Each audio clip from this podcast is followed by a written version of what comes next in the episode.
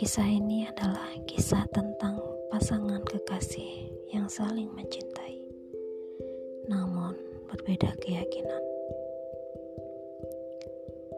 Lydia yang beragama Islam sangat mencintai kekasihnya Arjuna yang saat ini beragama Kristen.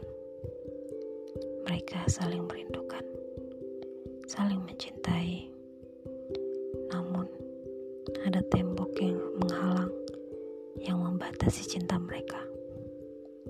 Namun, hal itu tidak menyurutkan semangat Lydia untuk bertemu dengan kekasihnya.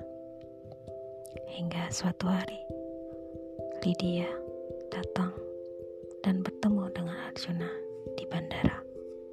Pada saat itu, Arjuna sangat bahagia.